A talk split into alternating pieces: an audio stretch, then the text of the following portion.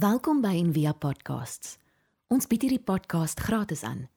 Om 'n bydrae te maak, besoek gerus ons webblad en via.org.za vir meer inligting.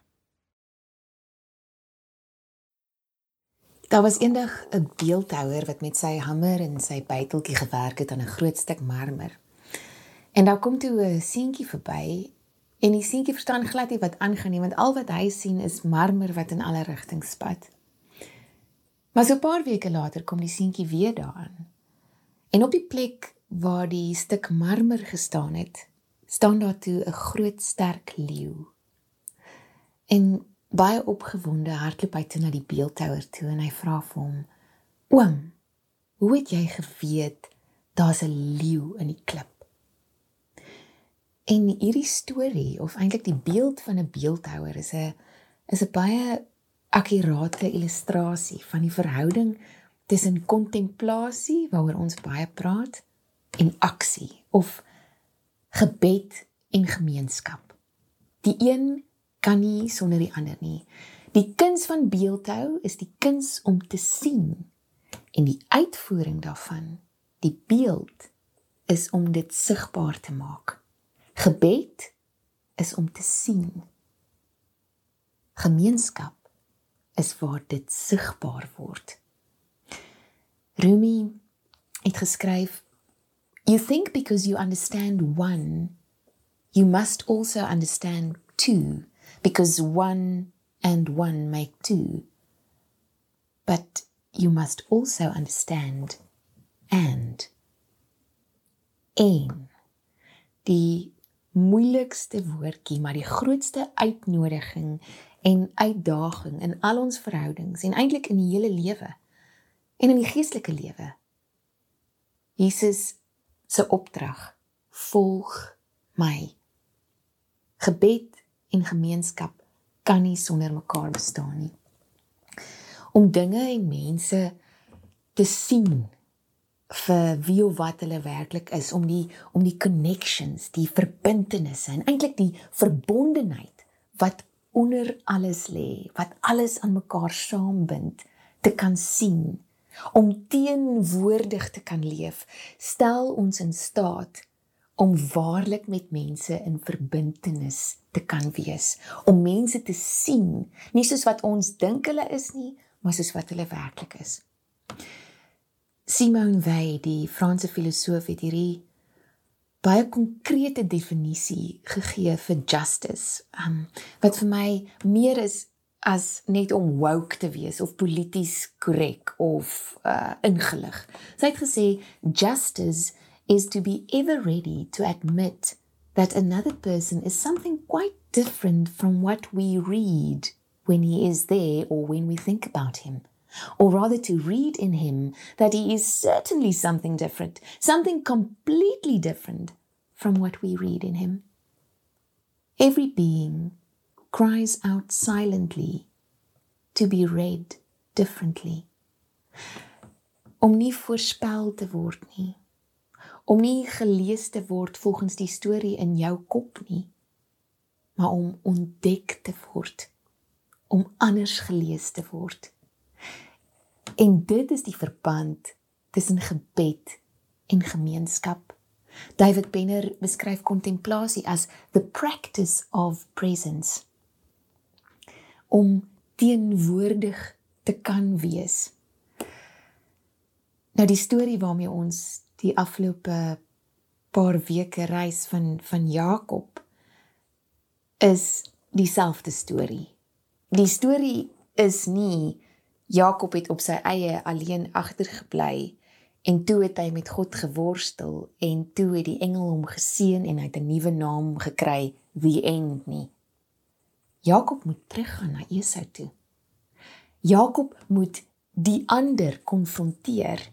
Jakob moet ook met ander homself word, want anders kan hy nie homself word nie. Ons kan nie net met God en onsself onsself word nie ons self kom in wording met ander.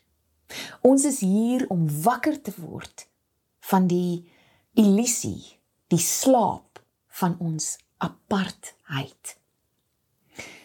Jesus se woorde in Johannes 13 'n nuwe gebod gee ek julle dat julle mekaar moet lief hê soos ek julle liefgehad het. Soos ek julle liefgehad het, moet julle mekaar ook lief hê. Hieraan sal almal weet dat julle my disippels is as julle liefde onder mekaar het. Net voor dit die woorde in die message vertaling is now the son of man is seen for who he is and God seen for who he is in him. En as Jesus dan hierdie woorde klaar gesê het, dan dan sê Petrus, uh maar meester, waarheen gaan u? Hy's onmiddellik op sy agtervoete want want Jesus gaan hulle nou los. En dan sê Jesus, ontspan Petrus, waar ek gaan, kan julle nie nou al gaan nie, maar julle sal my volg. Dan sê Petrus, hoekom kan ek u nie volg nie? Ek sal my lewe vir u gee. Hoe baie hoor ons nie daai woorde nie. Ek sal my lewe vir jou gee. En dan sê Jesus, Regtig? Jy sê jy sal my lewe vir my gee, maar voor die haan 3 keer gekraai het, sal jy my verraai. Want liefde is harde werk. Ek dink altyd aan die aan die beeld van van twee hande. As as die twee hande mekaar so koorsagtig en sweterig vasklou soos in daai eerste fliek, daai eerste date, is daar geen ruimte vir vryheid of liefde nie. Dis amper vreesagtig. Maar as twee hande soos 'n tent of soos in gebed saam beweeg, is daar ruimte wat uit vryheid en liefde gebore is. Ek dink as Lenet Sweet wat wat gesê het God is love. Jesus is loved. The spirit is loving. Ons moet onsself word met God want God is liefde. En dan word ons onsself deur God se geliefde te wees, deur met onsself kennis te maak om tot verhaal te kom. Maar dan stel die Heilige Gees ons in staat om lief te hê.